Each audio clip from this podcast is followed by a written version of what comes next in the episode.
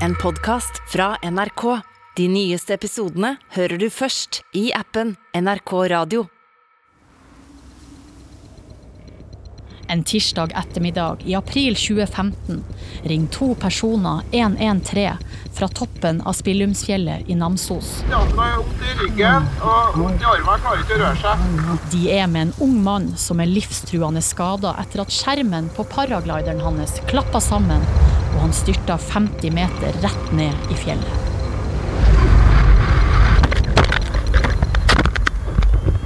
Jeg var bekymra for at, eh, at den skulle dø.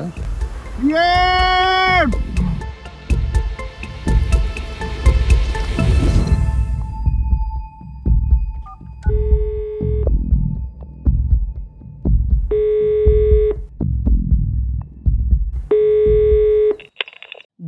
På SOS Nødtelefonen, og det her er historien om Ronny som styrta i Spillumsfjellet.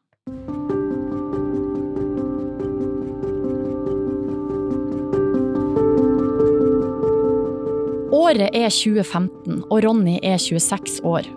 Han bor i Namsos, jobber som tømrer og er typen som alltid har et prosjekt på gang. Ronny var en veldig opptatt mann. Han kjøpte seg et oppussingsprosjekt av et hus og snekra der på kveldstid når han var ferdig på jobb. Ellers så trener han. Han, han gjorde noe fra morgen til kveld. Det forteller Joakim, Ronny sin storebror. Jeg, jeg har jo vært kompisen til Ronny eh, hele tida, ikke bare søsken. Så vi har holdt i lag og drevet med alt i lag, fra idrett og ja, alt mulig. Ronny var eh, utålmodig og var den som eh, prøvde seg mest av oss søsknene. Eh, mest energi og eh, hva skal jeg si, største banditten. Ronny prøvde paragliding for første gang da han var 23 år, og fra og med da handla mye av livet om å komme seg ut og fly. Han ble jo helt eh, um, betatt av eh, paragliding etter han hadde prøvd det. Da var det den nye, store naturopplevelsen hans. Å fly var en lidenskap Ronny delte med kompisen Øyvind. Flyging gir jo en veldig deilig, fin uh, frihetsfølelse. Det er nesten vanskelig å beskrive det, men jeg har jo drevet på så mange år med det, og det, du blir nesten litt avhengig av det. For det er liksom det, det, det, det liksom det nærmeste du kan komme øh, og være fri som fuglen. Den frihetsfølelsen der er, er fantastisk. En tirsdag ettermiddag i april 2015 skal Øyvind og Ronny fly fra Spillumsfjellet. Det har de gjort mange ganger før. Hver gang jeg skulle ut og fly, så ringte jeg bestandig på til Ronny, og omvendt. da, sånn at vi, Det er jo en sikkerhet når vi ser flere når vi først drar ut og skal fly. da. Ronny sitter på i bilen med Øyvind oppover fjellet. De snakker litt om værmeldinga. Den virker lovende, og begge er spent. Vi er veldig spent på hvordan det blir. og vi, altså, hvis, du, hvis, du, er nervøs for at ting skal skje, så, så hadde vi sikkert ikke holdt på med det. Det er, det er ikke noe frykt. Det er egentlig ikke det.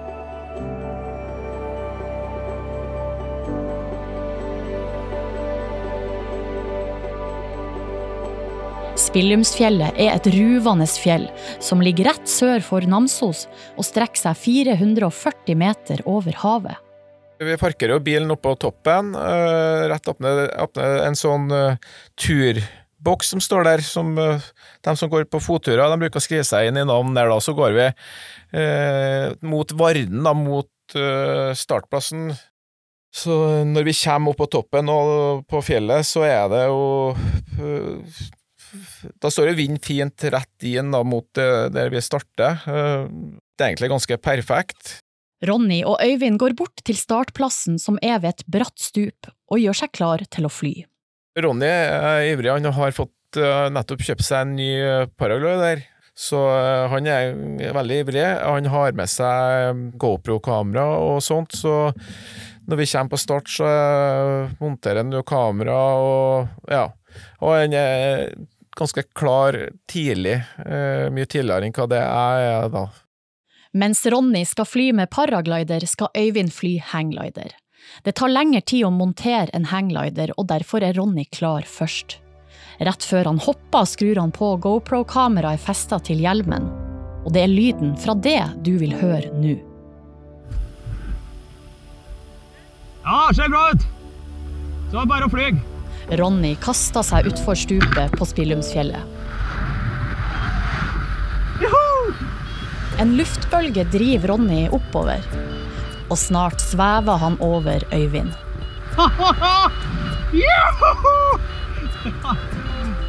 Da så jeg jo at det, forholdene var jo veldig bra, så jeg forter meg å montere opp denne mm, hangglideren og ivrig, ivrig på å komme meg ut så fort som mulig.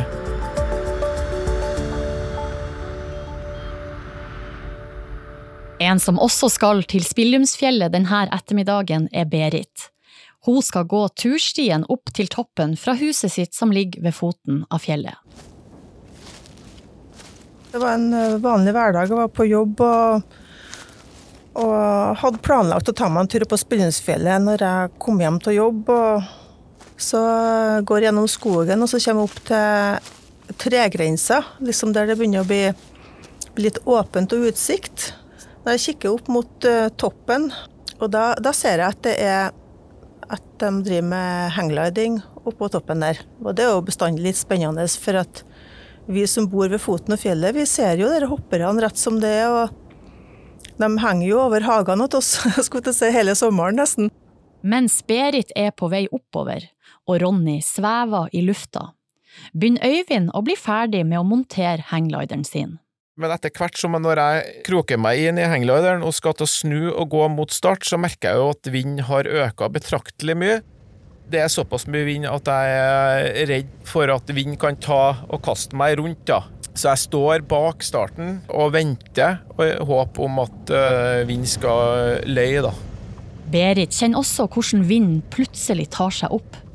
Og igjen legger hun merke til Ronny med paraglider der oppe i lufta men denne gangen reagerer hun litt på retninga han flyr. Jeg kom opp på, på fjellet her, så, så, begynte det å blåse ganske bra. Og en del sånn kastvinder, egentlig. Så tenkte jeg at eh, Så så jeg at han jeg var i lufta, men så seig han litt bakover. Så det var litt rart, da, for at, det var ikke det jeg forventet. Han jo, skulle liksom ut og, ut og fram og ned. Berit mista Ronny av syne. Og heller ikke Øyvind ser Ronny der han står og holder i hangglideren. Kom veldig brått på denne vindøkninga der. Så, eh, og, og, jeg tenker jo på, jeg klarer ikke å se Ronny noen plass. Men jeg håper jo på at han er, er høyt oppe i lufta, høyt over fjellet, eller at han har fløyet ned og landa. Men når vinden tar seg opp, får Ronny problemer i lufta.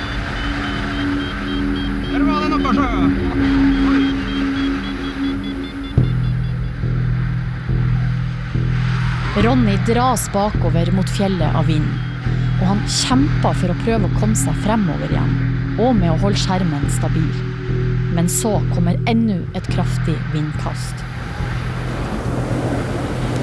Det gjør at skjermen på paraglideren plutselig klapper sammen på den ene sida og vrenger seg. Da styrter Ronny 50 meter rett ned i steinmassene på toppen av Spillumsfjellet.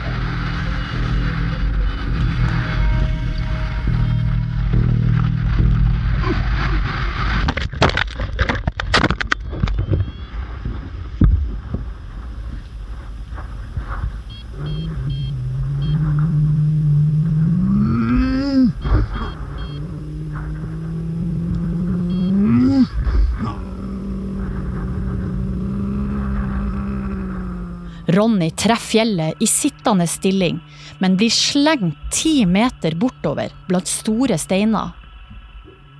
Til slutt lander han liggende på ryggen. Snart begynner Ronny å gispe etter luft.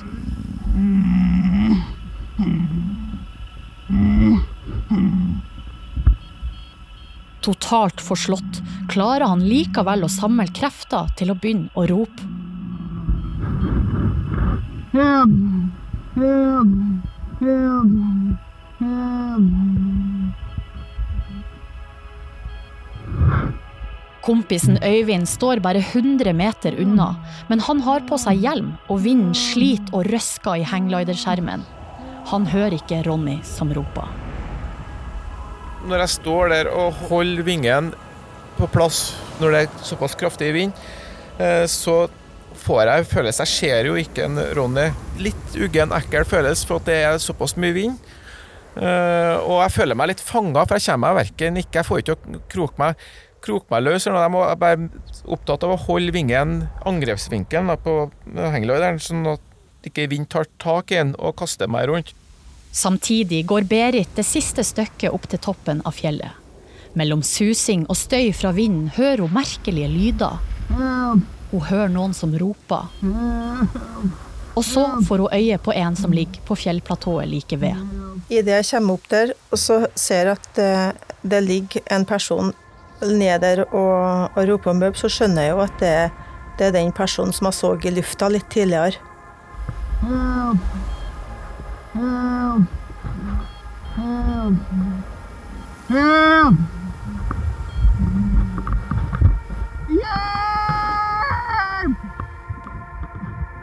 Berit ser også Øyvind som står og sliter med hangglideren i vinden.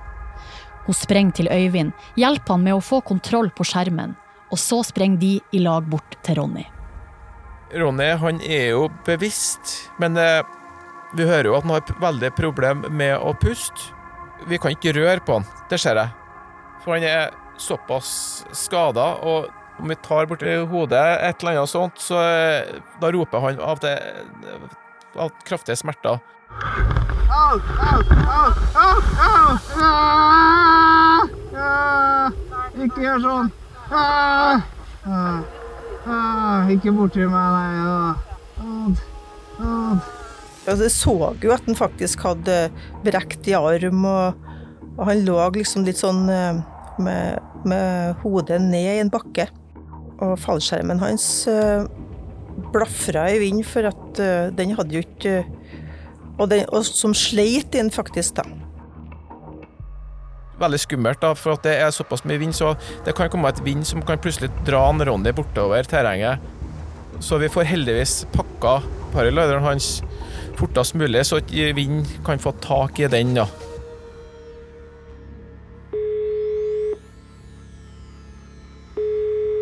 Og så ringer de 113. De spør hvor alvorlig så jeg sier at det er såpass alvorlig at vi i hvert fall heller, vi må ha helikopter så fort som mulig. For jeg, jeg så at det var, her var, her var snakk om liv og død. Han har hoppa, han har, han har, han har styrta. Han har vondt i ryggen og vondt i armen, han klarer ikke å røre seg. Han er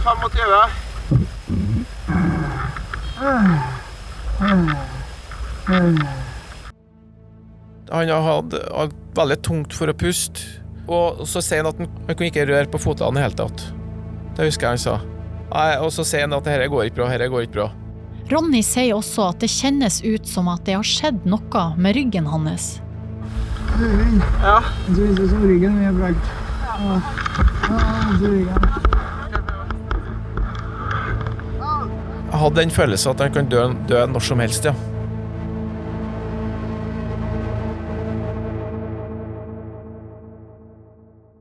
Både helikopter og ambulanse er nå på vei til Spillumsfjellet. Men helikopteret er et godt stykke unna, og ambulansen har problemer med å komme opp den bratte veien.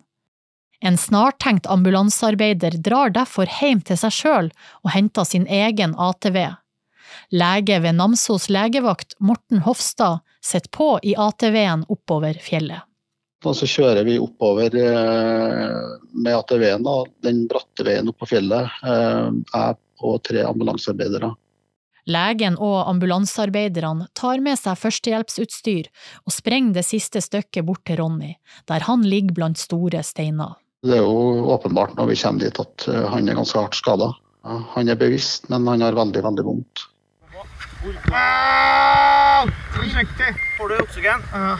Ikke å puste, OK? Det, det er åpenbart han at det er tungt å puste. og så jeg husker, så er han ganske øm i, i, i brystkassa på venstre side. I tillegg så er vi jo selvfølgelig redd for at det er en ryggskade. Eh, Han har jo veldig veldig vondt i ryggen, eh, åpenbart. Eh, Og da er vi jo selvfølgelig redd for at det er skader som har medført noen lammelser.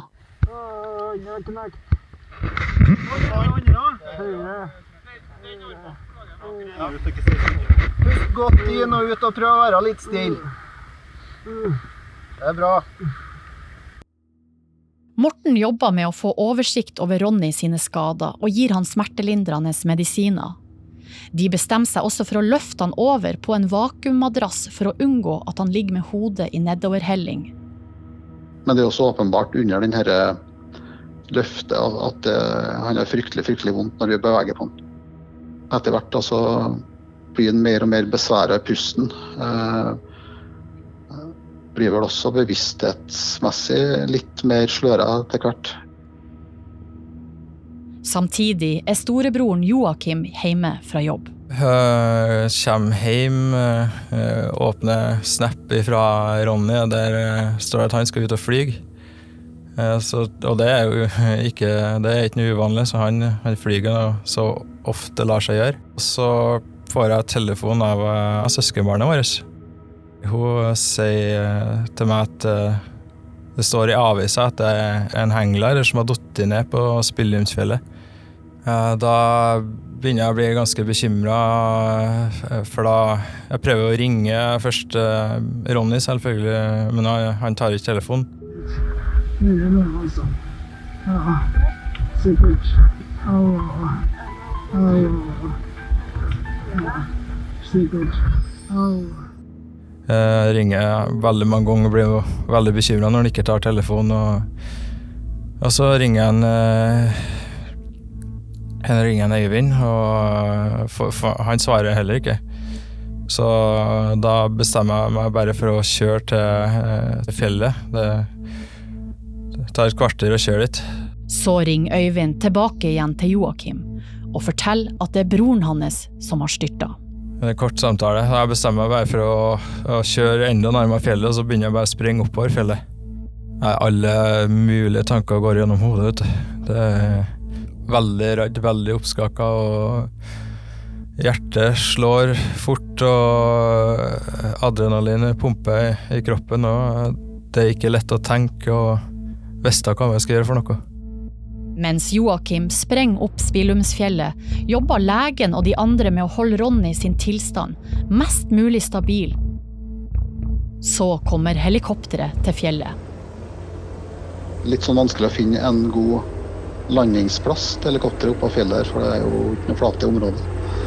Eh, Så de eh, finner en slags landingsplass helt nederst på kanten mot eh, stupet, skal jeg si. Og så bærer vi ned og inn i helikopteret. Cirka en time etter at Øyvind og Berit fant Ronny, er han i helikopteret på vei til St. Olavs sykehus i Trondheim. Sånn som tilstanden hans var når, når han ble sendt, så var jeg bekymra. Så når han dro, sånn, så må jeg si at jeg var ganske usikker på hvor, hvordan det skulle gå. Altså. Jeg var bekymra for at, eh, at han skulle dø.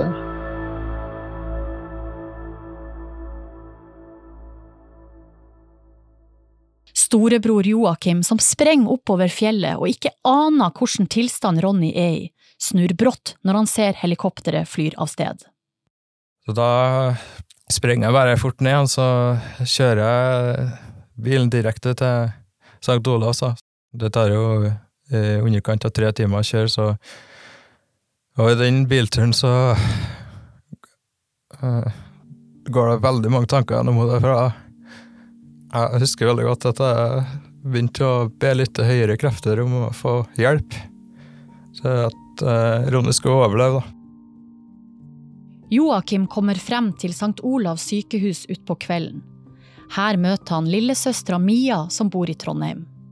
Og da kommer det en lege og eh, forteller oss litt eh, om situasjonen til Ronny, og da eh, sier legen at eh, de prøver å stabilisere den.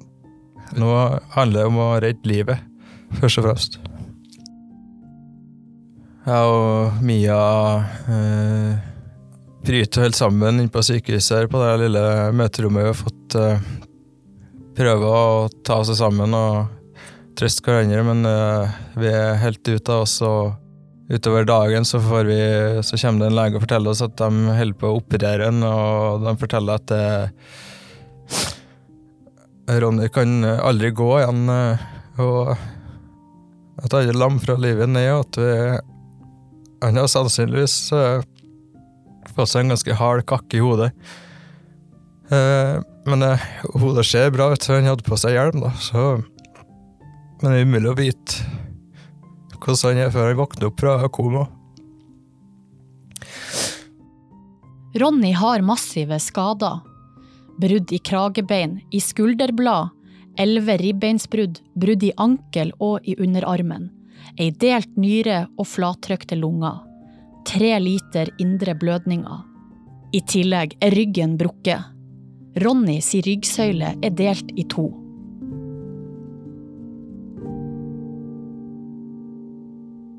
Så utover dagen så får vi høre Da kommer legene og forteller oss at, uh, at operasjonen er, er vellykka. Vi vet ikke hva operasjonen er helt. Vi har ikke klart å få med oss, men det gir oss et lite håp.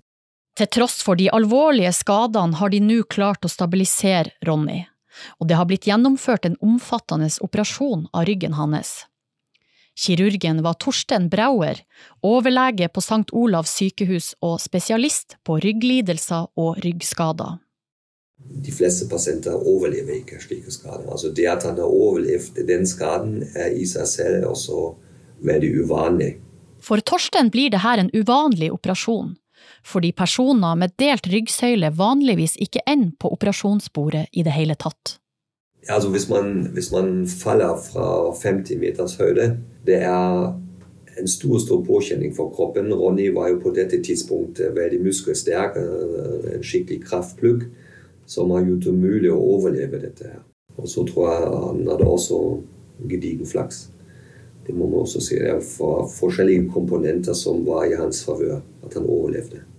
Utfordringa med en operasjon som Ronny sin er å få føya sammen den øvre og den nedre delen av ryggsøyla. Håpet er da at Ronny skal få nok stabilitet i ryggen til å kunne sitte i en rullestol i framtida. Operasjonen var vellykka, og etterpå får Joakim og søstera se Ronny som ligger i kunstig koma. Og på, på kvelden der så får vi inn og se Ronny første gang, og, og da var han jo så full eh, av medikamenter, så, så mye væske og ting han hadde fått tilført, så vi kjente jo ikke igjen han. Han var jo en sånn uh, oppblåst kjøttsekk. Han hadde ikke uh, Han hadde ikke noe hals lenger. Det var jo Haka bare fortsatte ned i brystet, og han var jo Ja, det så ikke ut som Ronny, så vi var jo uh, Det var veldig tungt.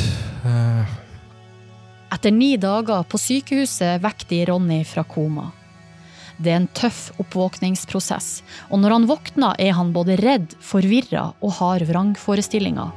Han er veldig redd for uh, veldig mye rart. Det, når han våkner fra koma og begynner å komme, begynner å få til å, å, snakke med oss, så forteller han om alt mulig som han har opplevd. Uh, og det, da tror vi jo at han er litt skada i hodet, for han, han, snakker jo om den russiske mafiaen som kom i helikopter og skal ta han. og da sa jeg faen, det var et helikopter som kom og blåste meg ned. Så jeg, så jeg trodde det var det som hadde skjedd. Men eh, det viste seg jo at det var helikopter som redda meg. det her er Ronny. I dag husker han fortsatt godt da han våkna fra koma.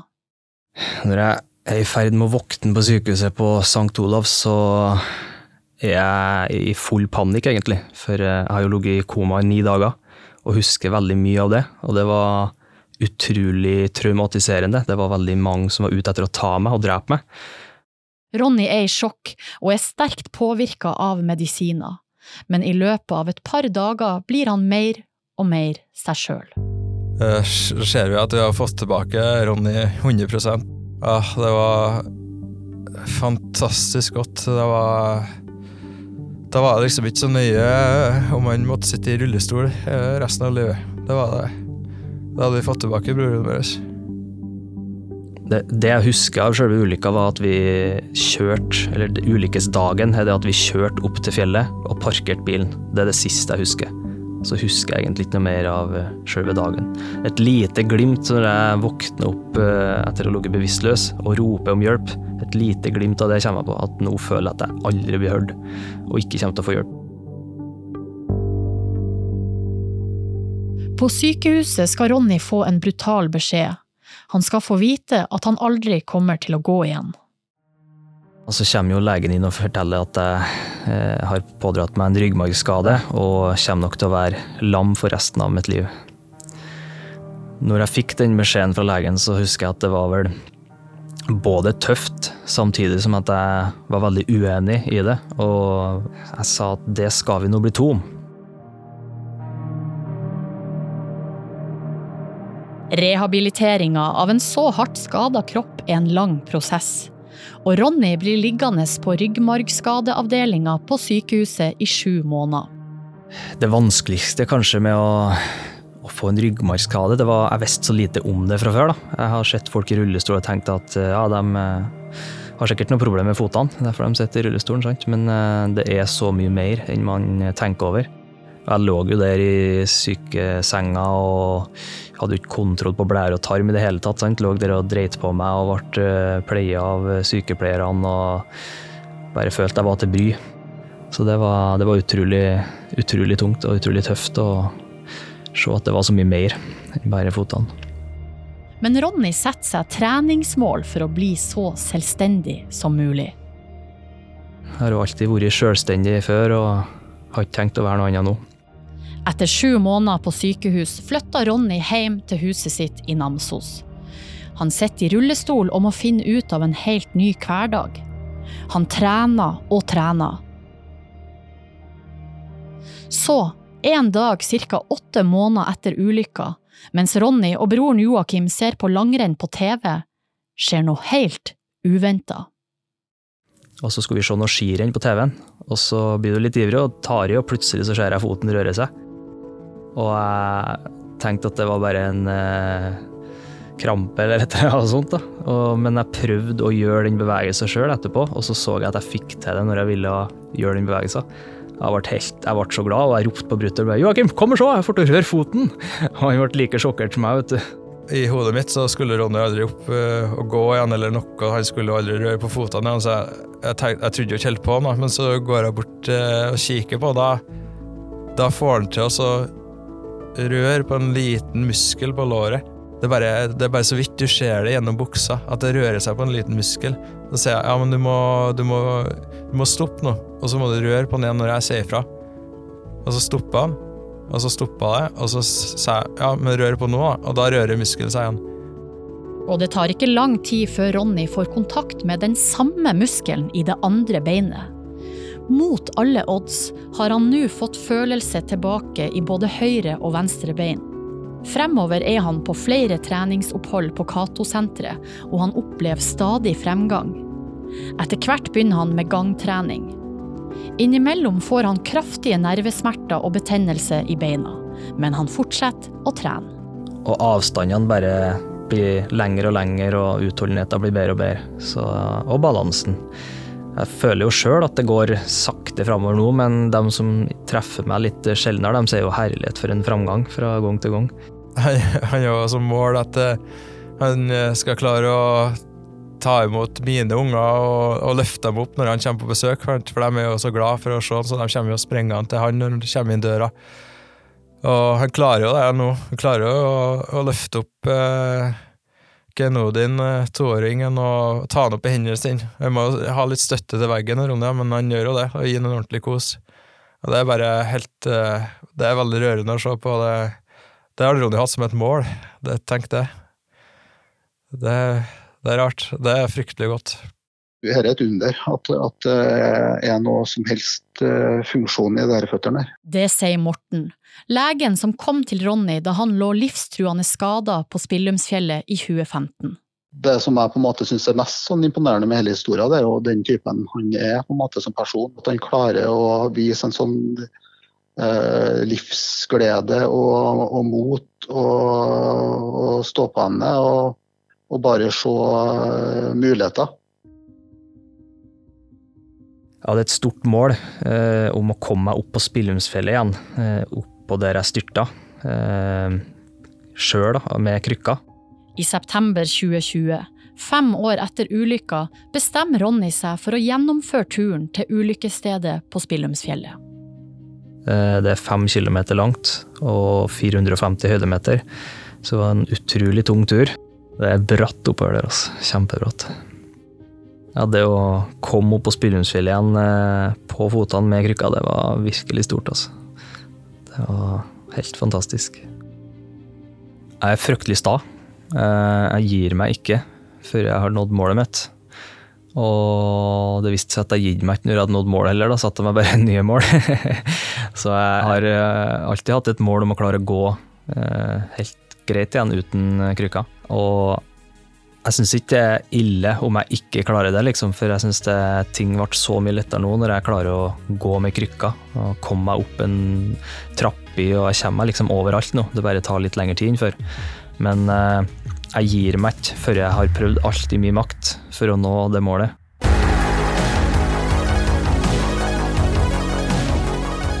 Denne podkasten er produsert av Anti for NRK. Redaktør Ingvild Tennø Haugen.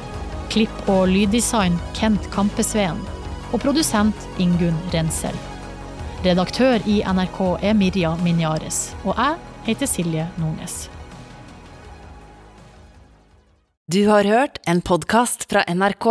De nyeste episodene hører du først i appen NRK Radio.